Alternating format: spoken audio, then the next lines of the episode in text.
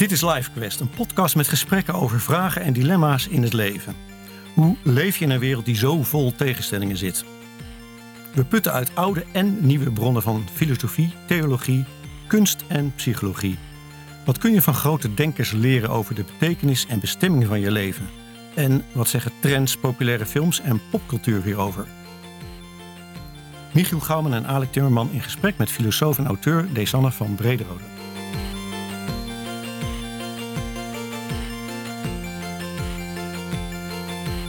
Nou, Desanne, hartelijk welkom. Dankjewel. Um, om maar met de deur in huis te vallen, jij bent een dochter van een Jezuïet. Ja. Dan had je een flinke voorsprong als het gaat over het beantwoorden van levensvragen, toch? Uh, nou, dat weet ik niet. Eh, ten eerste was het een uitgetreden Jezuïet, hè? Want je kan, ja, dat had ook gekund, maar dan was het allemaal minder vrij. Maar uh, ja, zo gaat dat volgens mij niet. Je, je, als klein kind uh, wist ik wel dat mijn vader priester was geweest, maar dat zei me helemaal niks. En ik heb ook nooit uh, op dat moment het idee gehad dat hij meer kennis daarover in huis had dan andere mensen. Alleen het, het ja, spreken over geloven, dat ging misschien, maar dat gold voor allebei mijn ouders makkelijker. Uh, omdat, omdat er een grote uh, vrijheid was waar het over die onderwerpen ging. En tegelijkertijd niet vrijblijvendheid. Is het dan eigenlijk een soort uh, talent om te geloven? Want sommigen hebben dat. Uh, en anderen helemaal hebben er helemaal geen gevoel voor. Ja, je kan het een talent noemen, je kan het een afwijking noemen. Het is net welk perspectief je bekijkt. ja, ja ik denk dat het allebei gen. is hoor. Een gen, jij denkt dat het een gen is? Nou, nou er wordt natuurlijk over, vanuit de wetenschap wordt er wel over gesproken. Van, ja. uh, hebben mensen die religieus zijn, hebben die een gen? En ik ja. hoorde laatst iemand zeggen, volgens mij was dat Reinier Sonneveld, die zei, ja, je kan het ook omdraaien. Je kan ook zeggen dat mensen die atheïstisch zijn, dat gen missen. Dus het is maar, of, uh, uh, even kijken hoor. Ja, ja, nou goed? Ja. Jawel, ja. ja. Ja. En dan zouden we met gentherapie. Nee hoor. dat, dat, dat pakken we dan even nu over die uh, uh, Bijbelverhalen bijvoorbeeld. Zeggen, nou ja, er is een, in deze cultuur weten mensen heel weinig meer van de Bijbel. Ja. Uh, de, de gelovigen die ik ken, daar lezen de meesten ook nooit meer in de Bijbel. Mm -hmm. Dus dat is tot, een beetje tot mijn verbazing. Ben mensen gaan vragen. Ik zeg van nee, nee, nee, eigenlijk niet. Nee, eigenlijk niet. Eigenlijk niet. Oké, okay, ja. Of we hebben hem uit. Hè? Onze ja. cultuur heeft de Bijbel uit. Die zegt, nou, even doorgebladeren en we brengen hem terug naar de bibliotheek. Ja. Is dat toch echt gemis? Of zeg je, nou, dat is gewoon, zo gaat het nu. En er zijn weer andere verhalen. En we hebben Marvel strips en, en films. Nou, ja. mm. nou nee, ik denk, uh, ja, ik vind het een gemis. Daarbij uh, moet ik wel heel eerlijk zeggen dat het ook alweer... Uh, dat ik in die zin tot diezelfde groep behoor. Dat het Oude Testament is echt alweer lang geleden dat ik dat heb gelezen. En soms uh, een groot deel van mijn vrienden hebben een protestantse achtergrond. Dus die kunnen dan wel meteen um, ja, een bijbelverhaal erin, erin fietsen waarvan ik dan weer denk, hoe zat het ook alweer? En met Daniel of hè. Maar um, het Nieuwe Testament lees ik, lees ik zeker regelmatig. En ik denk ook, ook als je zegt van uh, hebben we genoeg aan films en, en andere kunst en Um, een heleboel zou je ontgaan als je de Bijbel niet kent. En dan gaat het helemaal niet eens om of je door de Bijbel gelovig zou moeten worden. Maar alleen al, dat, dat vind ik ook heel interessant. Als je kijkt nu naar uh, hoeveel songteksten toch weer teruggrijpen naar Bijbelfragmenten of met een bepaalde Bijbelse metafoor iets doen. Mm. In films zie je het ook heel veel terug.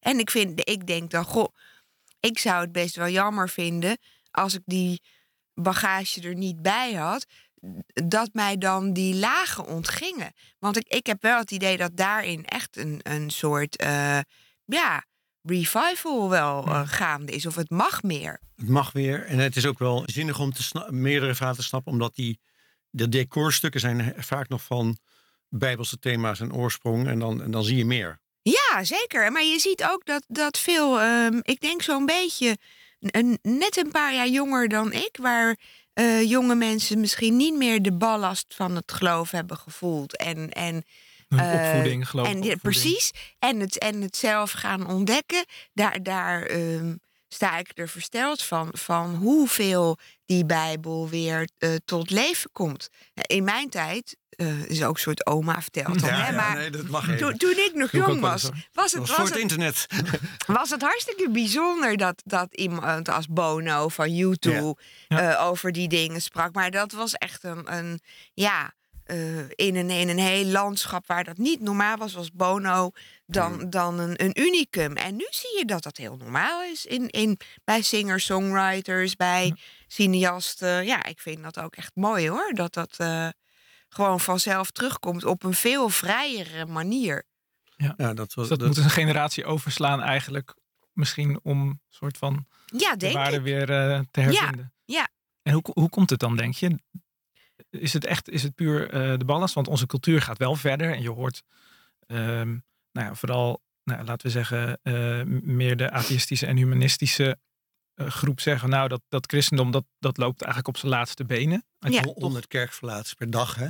ja, ja, precies. De ontkerkeling, gaat, ontkerkelijking gaat heel hard door. Maar toch zijn we blijkbaar wel nog religieus of zo. Jawel, maar gelovig. dat, kijk, voor mij zijn er ook twee verschillende dingen. Want als mensen dan eh, van christelijke zijde bijvoorbeeld klagen over eh, de ontkerkeling, ontkerkelijking en zeggen van ja, er wordt helemaal niet meer geloofd, dan denk ik. Ten eerste is maar helemaal de vraag of die mensen die vroeger in de kerk zaten echt geloofden. Want wat is je definitie? Doe je dat omdat je familie dat nou eenmaal wil en omdat je bang bent om in de hel te komen en, en een moreel kader nodig hebt? Ja, ik weet niet of dat hetzelfde is als geloven. Laat die mensen maar lekker weggaan. Nee, ja, maar ik bedoel, dat, dat klinkt nou een beetje badinerend. Maar dan denk ik ergens tegen je, tegen je diepste verlangen in gaan zitten omdat het moet, vind ik weinig te maken hebben met religiositeit. En ik denk dan, dan hou je de mensen over die, ehm, die de moed hebben om met elkaar eh, de diepte in te gaan, gesprekken aan te gaan, eh, over hele intieme religieuze ervaringen met elkaar te hebben. Ehm, en ik heb zelf wel het idee, eh, ja, katholieke kerk is een, helaas een heel ander verhaal, maar, maar dat er een heleboel eh, ehm, kerkgenootschappen zijn die, die zich juist doordat ze niet meer toe kunnen met de tradities en de, de, volle kerkbanken, dat er weer in die barsten en scheuren ruimte komt waarin de geest kan gaan waaien. En ik vind dat eigenlijk heel mooi. Ja, prachtig. En tegelijkertijd, ja, hoor je en lees je ook nog wel eens eh, dat ze dan zeggen, ja, juist doordat de mensen van het midden, om het maar zo even te zeggen, of misschien juist aan de randen, dat die weggaan, dat er een soort orthodoxie, nieuwe orthodoxie komt en dat dat dus juist eh, ja, radicalisering of zo. eh, Nou, ja, Ja, van, het is ja, gewoon ja. conservatieve knarren over, die gewoon niks willen veranderen. Dat is Ja. wat je zegt. Ja, Ja, jonge conservatieve ja, de nieuwe, de nieuwe conservatieven, of ik weet niet Ja. precies hoe je ze zou moeten noemen. Maar, Mhm. Nou ja, ik zie wel dat, dat, dat, eh, dat ook jonge mensen die, die heel erg met hart en ziel eh, toegewijd zijn aan het geloof, daar soms tegenop kunnen lopen of zichzelf. ehm, ik denk dat dat, ook, dat dat ook begrijpelijk is. Dan weer willen vastzetten, inderdaad, in iets orthodox. Ehm, ik weet het niet. Ik denk dan zelf van laat, laat dat maar processen zijn waarin dingen zich uitkristalliseren. Als ik alleen al kijk naar mijn eigen leven, eh, hoeveel verschillende fases mijn, mijn geloof ook heeft doorlopen. Eh, en, en naar ik hoop nog altijd in ontwikkeling is. Dan, dan denk ik, ehm, zolang, zolang een gemeenschap elkaar dat maar gunt.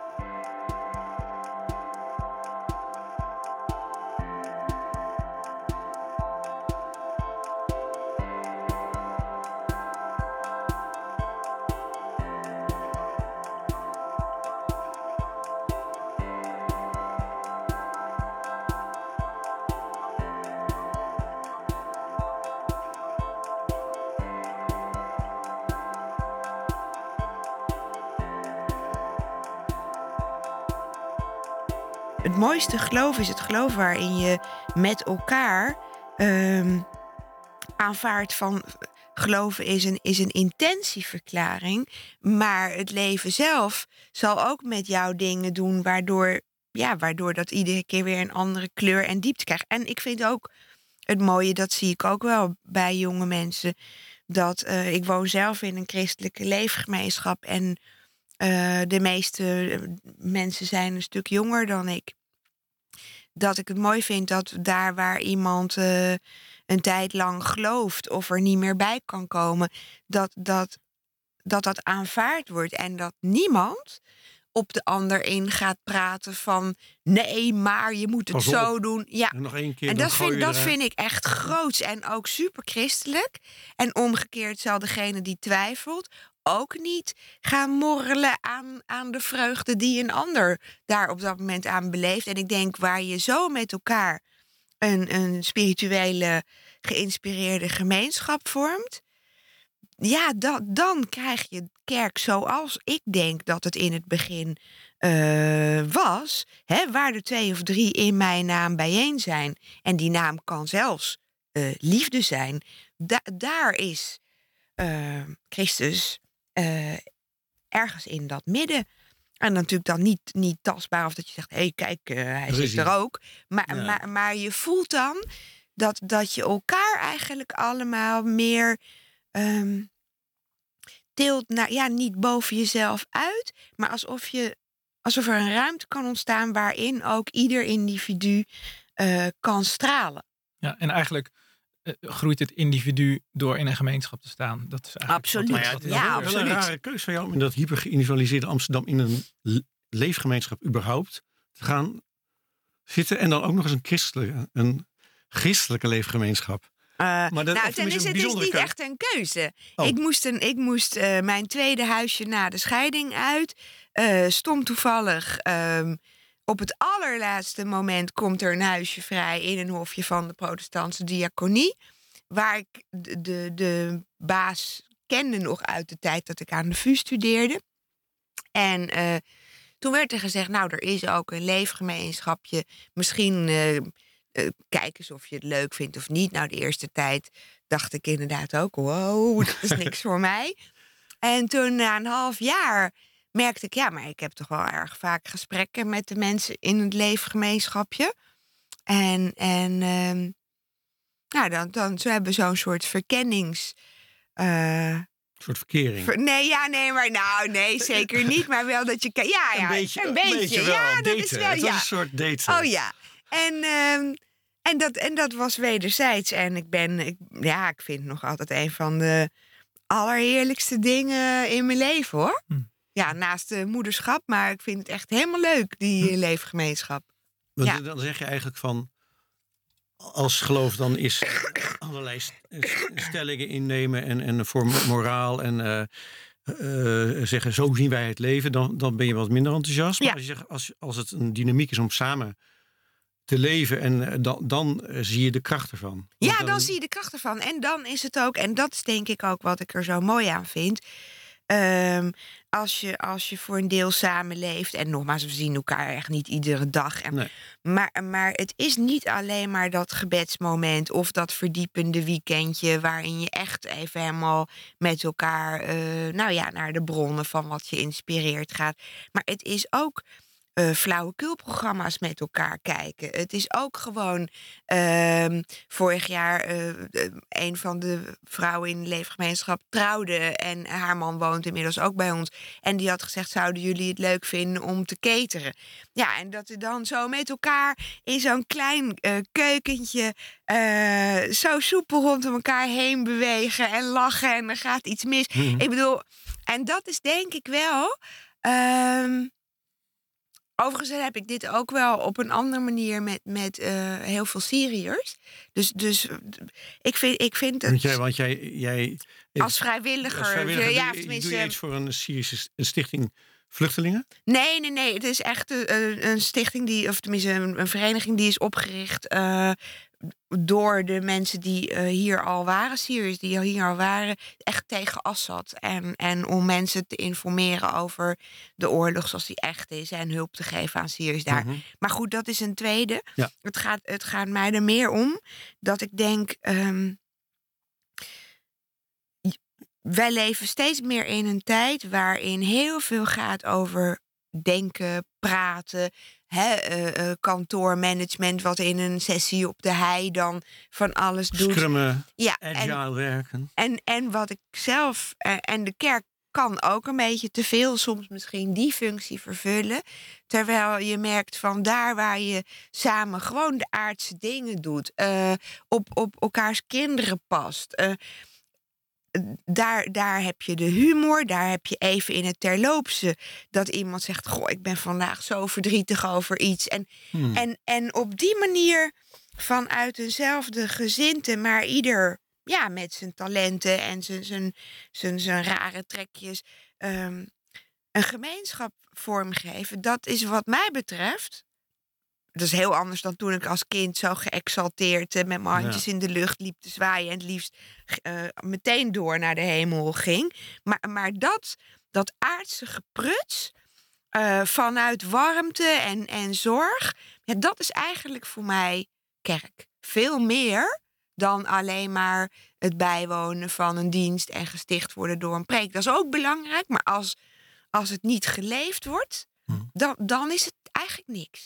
En eigenlijk kon je ook zeggen van eh aardsgepruts. Dus eigenlijk die, die, die combinatie van samen zijn. En in dat samen zijn ontstaat er gepruts. Want ja, je Ja. bent wel mensen en je gaat met elkaar Staat om. ook wel eens op elkaar stenen. Ja. Ja, precies. Ja. Je hebt conflicten. Ja, ja, nou die hebben we nog niet gehad. Dat vind ik ook apart. Maar eh, En het is ehm, wel, de, de witte brood is al voorbij. Van de, Ja, ja, Oh, zeker. nou, ja.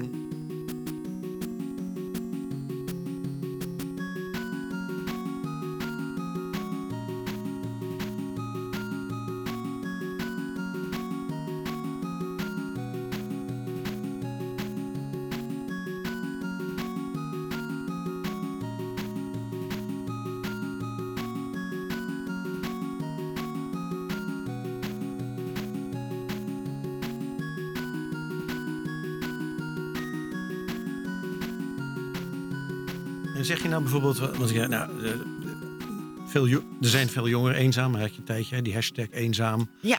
Eh, jongeren, eh, dan, dan hebben we het over twintigers, maar ook al, al jongeren die met burn-out verschijnselen. Ja. Of veel depressieve klachten. Dat je denkt, is het, is het dan omdat ze dit soort dingen missen? Zulke verbanden, denk je? Of is dat te makkelijk om dat ene op elkaar te plakken?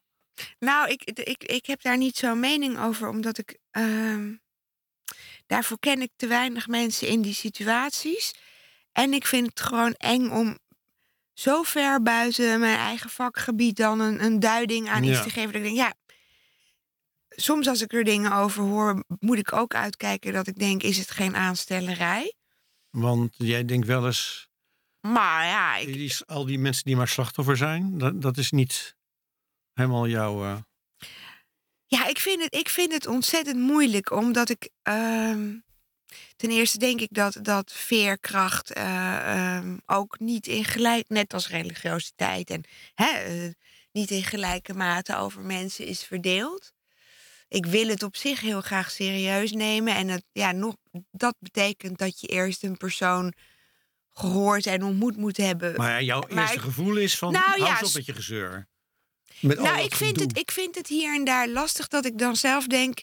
ehm, ja, misschien ook doordat ik zoveel met Syriërs te maken heb van ja, zo, zo eind 20, begin 30.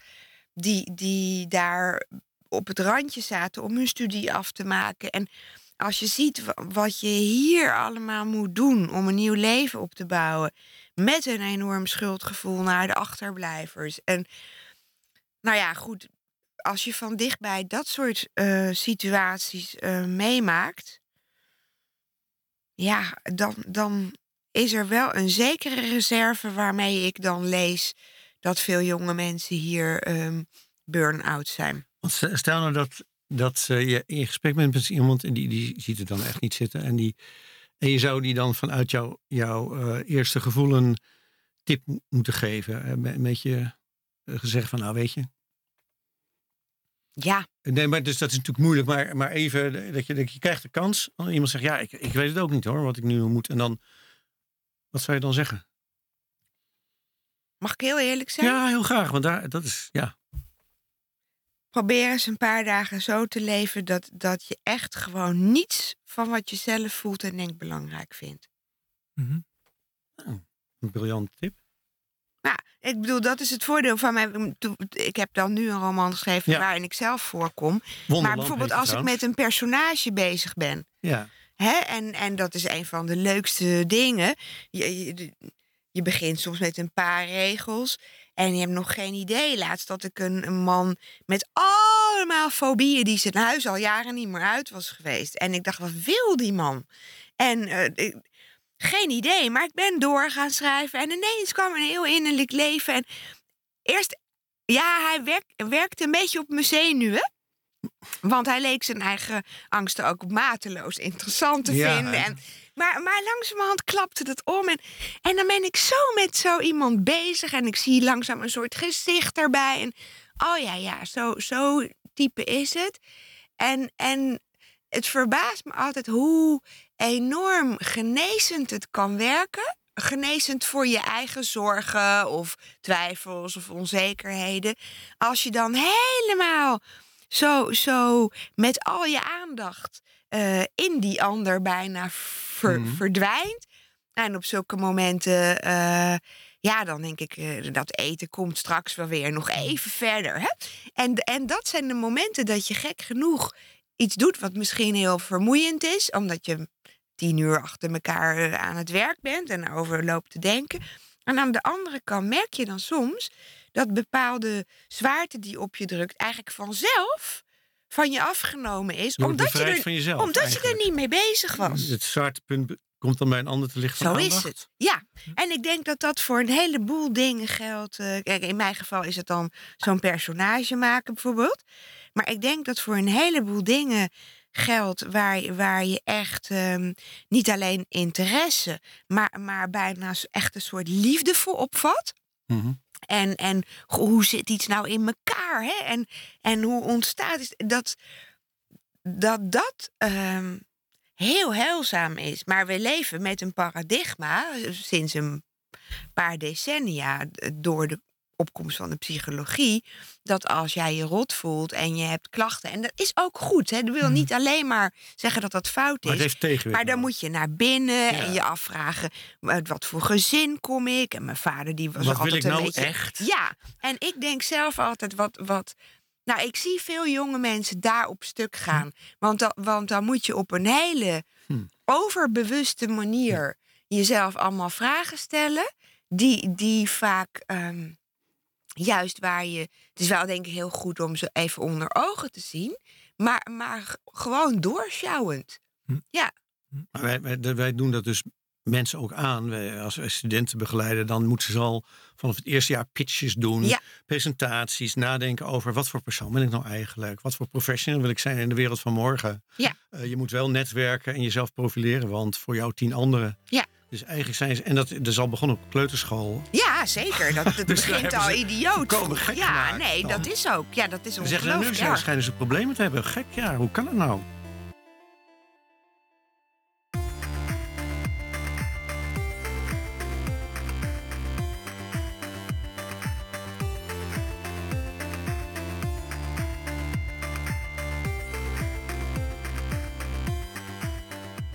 Je zegt van als je iets echt liefde geeft en je gaat daar echt een soort van, je gaat daarin op en je bent ermee bezig, dan dat is heilzaam en, het, en je wordt er zelf lichter van. Ja. En dat is volgens mij juist in deze tijd heel moeilijk, omdat de aandacht door allerlei dingen wordt Ja, opgeëist. dat is helemaal waar. Dat is, dat is denk ik het grote En probleem. daar, daar ja. eh, zit misschien iets tussen wat ik nodig heb en wat bij mijn authentieke zelf hoort. Ja. Eh, en als ik dat mis, dan word ik nooit meer mijn authentieke zelf. Eh, Ja. Dan ben ik verloren. Dus, dus alles volgen. ja, dat is het. Ja, en de angst om inderdaad iets mis te lopen. En tegelijk ook al. En dat ehm, ehm, merk ik dat ik dat zelf... Daar heb ik een enorme handicap, maar die bl- blijkt dus achteraf tot zegen. Eh, namelijk dat je moet onmiddellijk steeds reageren. Mm, En ik ben, ja, ik, ik kan wel praten, eh, Ja, dat waarvan gaat eh, heel goed. Nee, ja. maar, maar eh, ik, ik ben eigenlijk heel secundair. Ja. Dus, dus ehm, wat ik precies op een bepaald moment bij iets voel of van iets vind, heel vaak weet ik dan niet meteen. Hmm. Of ik, of ik heb wel een vermoeden, maar dan wil ik dat gewoon nog laten bezinken. Ja. En ik denk dat dat, doordat ik zo in elkaar zit, ehm, kan ik inderdaad voor mezelf die, die ruimte bouwen om dingen aandacht te geven, om zich, om zich in mij te laten uitspreken. Maar, maar uh, als je voortdurend uh, alles op Facebook moet zetten, um, ook voortdurend het idee hebt van, oh, er, er is nieuws over Trump, ik moet meteen weer wat vinden. En, en dan is het heel moeilijk om uit te zoomen en nog echt iets te beleven. Hm. Want er zijn ook inderdaad zoveel prikkels. En ja, ook, ik denk dan ook, uh, nou ja, ik, ik kan geen auto rijden, maar ik, kwam hier net aan met de trein. En ehm, dan zie je natuurlijk een heleboel mensen die zich afsluiten met een koptelefoontje of uh, de draadjes en hun eigen muziek in hun oren of een gesprek. En aan de ene kant begreep ik dat, want er was een, een uh, gezinnetje, een buitenlands gezinnetje met twee hele drukke kinderen. En ik probeerde me echt, ik was juist een beetje stil aan het worden van binnen. En die kinderen, die, ja, zoals kinderen zijn, het was ook heel schattig, maar af en mm. toe ineens met zo'n harde, zo'n krijs. denk ja, dat, dat, dat hoor, hoef je niet te horen als je lekker je eigen Coldplay in je oren hebt. Maar, maar later gingen die mensen eruit en kwamen een opa en een kleinzoon. En die hadden mooie gesprekjes met elkaar. En, en toen was ik helemaal ontroerd. En dat zou ik ook hebben gemist met die oortjes. En dat zijn de dingen waarvan ik denk: um, echt leven. Uh, dat, dat is het uithouden met de moeilijke dingen van je omgeving. Maar ook, ehm, je loopt zoveel mis als je, als je helemaal je opsluit in die eigen kokon. En zelf de regisseur bent die, eh, ik wil dit nu even zien op een filmpje. En, en, maar dan heb je dus helemaal niet dat mooie moment tussen die opa en dat jongetje. Hè, dat moet je dan in een bioscoop, in een film. En dan heb je er tranen bij. Terwijl ik krijg het gewoon gratis. Omdat ik van de NS. oplet. Van de NS. ja. ja. Maar dus, uh, ik heb juist het idee dat de mensen die ooit zijn, en, of, die, of die mensen, wij allemaal misschien wel, we zijn bang juist om iets te missen van de echte wereld. Ja, dat is het uh, paradox. Dat, en, en, terwijl je eigenlijk een scherm schermt ja. van die wereld. Ja. Dat, uh, die jij tenminste beschrijft als die tot je iets tot je kan zeggen. Of ja. zelfs een soort in, in, je innerlijk op een gegeven moment tot je kan spreken. Zo'n zinnetje noemde je. Ja, ja. ja, dat is een heel andere manier van je verhouden tot. Ja. ja. Heel vaak zijn die momenten, ook als je het dan inderdaad hebt over films of muziek, die, die moment, die, die, dat is vaak ook een soort van, dat is door professionals gemaakt. Dus het is heel overweldigend. En heel ik denk dat je daardoor, daardoor mis je eigenlijk juist die kleine dingen. Dat is zo, dus, ja. Dus, dus ook zo'n zo'n zo'n film waarin, ja, uh, waarin zo'n zo'n hele heftige emotie zit, waar we ons al met z'n allen door laten raken. Ja, dan word je ook afgestomd misschien voor, voor het, het kleine. De subtiele ja. Voor de subtiele signalen. En, en in die zin zijn, we, zijn we ook, denk ik, dan zijn we hele goede consumenten geworden. Uh, maar soms zijn we, ja, een soort van, is dat, is dat het wat we zijn? En, je ziet natuurlijk in de media allemaal signalen om, worden aangespoord om goede consumenten te zijn van dit soort dingen. Ja. Nou, en daarmee leer je wel een hoop af, denk ik. Ik heb in een vakantieboek gelezen over, over depressie. Uh, die, en die zei, eigenlijk gaat het over, Hari is dat, die schreef het boek hm. over verbroken verbindingen. Die zei, het heeft eigenlijk te maken met negen verbroken verbindingen veel meer dan met een verstoring van je neurologische uh, evenwicht. Het gaat, en een van de dingen is die, die, die connectie met de buitenwereld. Dat er echt een soort uh, wederkerige een soort dialoog is. En dat je ook het voelt, ik hoor hierbij. Ja. Dus het, het is anders. En het is, ik ben niet het verlengde van die buitenwereld. Maar ik ben, ik ben hier wel een... Ik hoor hier. Ja. En dat, dat hele ontworteld raken is een van de dingen waardoor je makkelijker gevoelsmatig uit evenwicht raakt. Dat je helemaal in een soort ja. zit. En dat eigenlijk niemand op je zit te wachten, behalve de mensen die je liken. Ja. Uh, dat geeft een soort placé, of het is een soort, soort uh, namaak werkelijkheid gecreëerd waar je toch een soort alien in bent. En, dan, en, die vervreemding kan door allerlei klachten leiden. Dat is tenminste ja. zijn. Nou, maar dat geloof ik, dat geloof ik ook echt dat dat, dat dat wel zo is hoor. En dat uh, dat zie je natuurlijk nu ook al heel lang bij, bij uh, kinderspeelgoed. Dat, dat een kind drukt op een toetsje en er komt een heel melodietje uit het apparaat. Nee, niet, dat je geen verband ziet tussen nee. uh, het aanraken van een snaar en die ene toon. Dat zoveel is kant en klaar. Hmm. En, en um, dus, dus ik vraag me soms af hoe dat zit ook daar vind ik het eng om een uitspraak over te doen. Maar met de tastzin van kinderen mhm. en, en de smaakzin, en de dingetjes af en toe in je mond stoppen. En, en alleen maar audiovisuele prikkels. Alleen maar audiovisuele visuele prikkels. er is ook al lang bekend dat, dat te vroeg leren lezen eh, juist tot dyslexie kan leiden. Omdat die, omdat die baantjes in je, in je hersenen, zeg maar even een beetje naïef. Ja, maar die zijn ja. nog niet allemaal helemaal eh, klaar voor het lezen. En, eh, en toch zie je dat ouders ehm, al bij, een kind van vier. Ik, ik bedoel, ik was ook een kind van vier die zelf al. Ik heb mezelf leren lezen. Maar, maar ik vind het jammer als het wordt aangemoedigd. Ehm, Ga- dan zeg je eigenlijk van ga lekker, eh, lekker spelen. ga lekker buiten spelen. Ja, en dan, en zijn we allemaal zo'n beetje eh, eh, in zo'n midlife. En, en, dan, en dan hebben we ineens allemaal ontzettend spijt dat we niet meer dat leuke kind zijn wat heerlijk uren in de zandbak met een stokje in het zand eh, een beetje kan prutsen met Ja. niks. Ja, en dan denk ik, Ja. nou, maar ja, dat, dat- zijn wel, ik weet het niet, ik, ik vind het, ik heb er een tijd erg hoogmoedig over gedaan. En, en ehm, Dan ben je op je best, hè? nou, Dan ben je op je kritisch. Ja, Ja, maar je tegelijk, nou? nou, ik, ik, ik, ehm, ik zie steeds meer eh, de, de enorme angst om, om gewoon een beetje stil, secundair eh, eh, in je binnenkamer te verblijven. En, en, En daardoor ga je keihard aan de gang in die buitenwereld. En dan loop je vast. Ja. Is dat het? Dan ja, je- nou ja, ik denk wel, ik Ja. denk wel dat, dat er een hele g- grote angst is.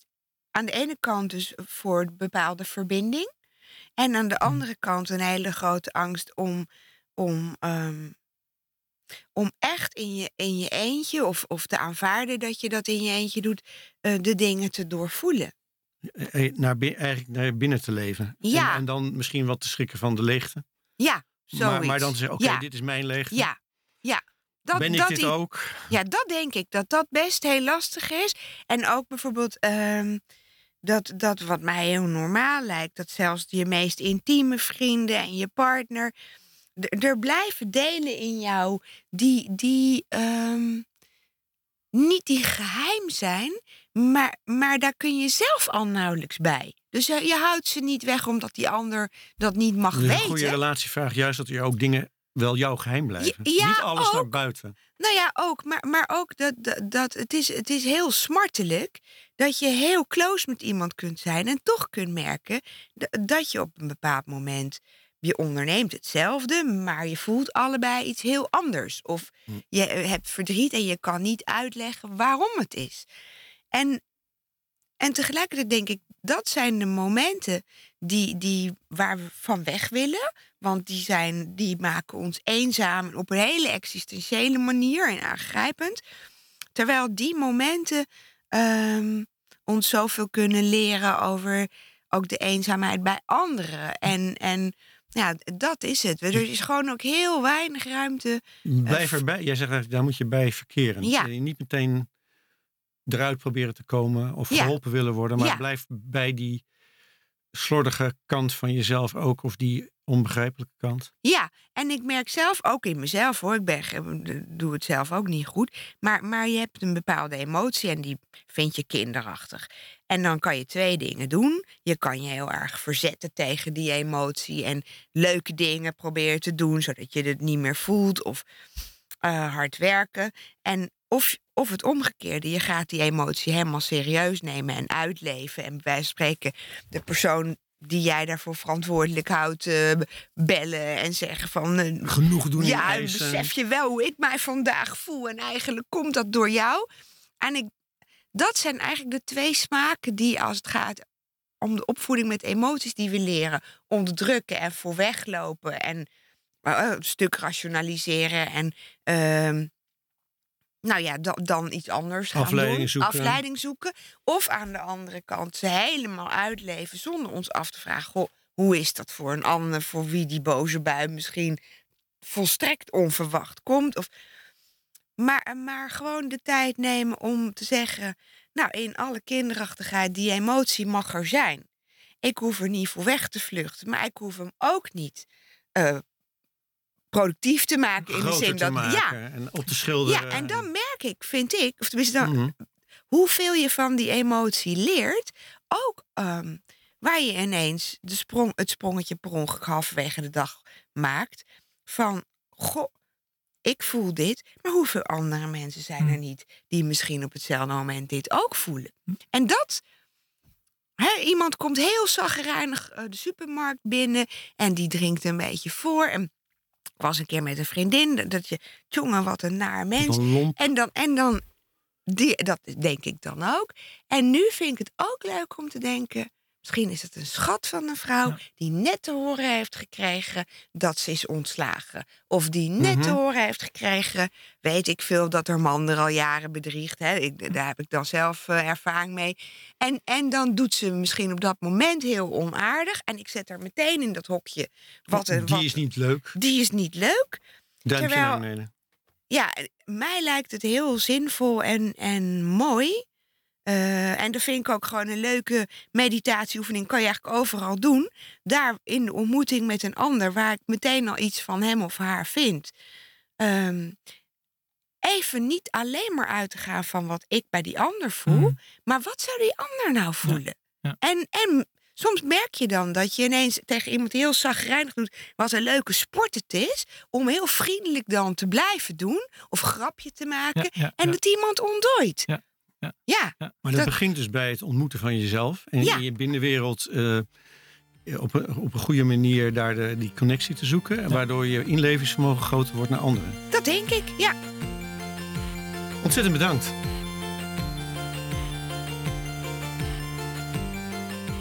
Dit was LiveQuest. Meer over Lisanne van Brederode, onder andere een link naar haar boek Wonderland, vind je in de show notes. Net als alle boeken en onderwerpen die aan bod kwamen. Heb je vragen, opmerkingen of suggesties? Laat het ons weten. Stuur een mail naar hallo@livequestpod.nl of laat een bericht achter op Twitter via @livequestpod. Vond je dit inspirerend? Abonneer je via Apple, Spotify of waar jij naar podcasts luistert. Deel deze podcast met familie en vrienden en geef ons 5 sterren in Apple Podcasts. Daardoor zijn we nog beter te vinden. Bedankt voor het luisteren. Wij zijn Michiel Gouwman en Alec Timmerman. Het artwork is van Peter van Beek.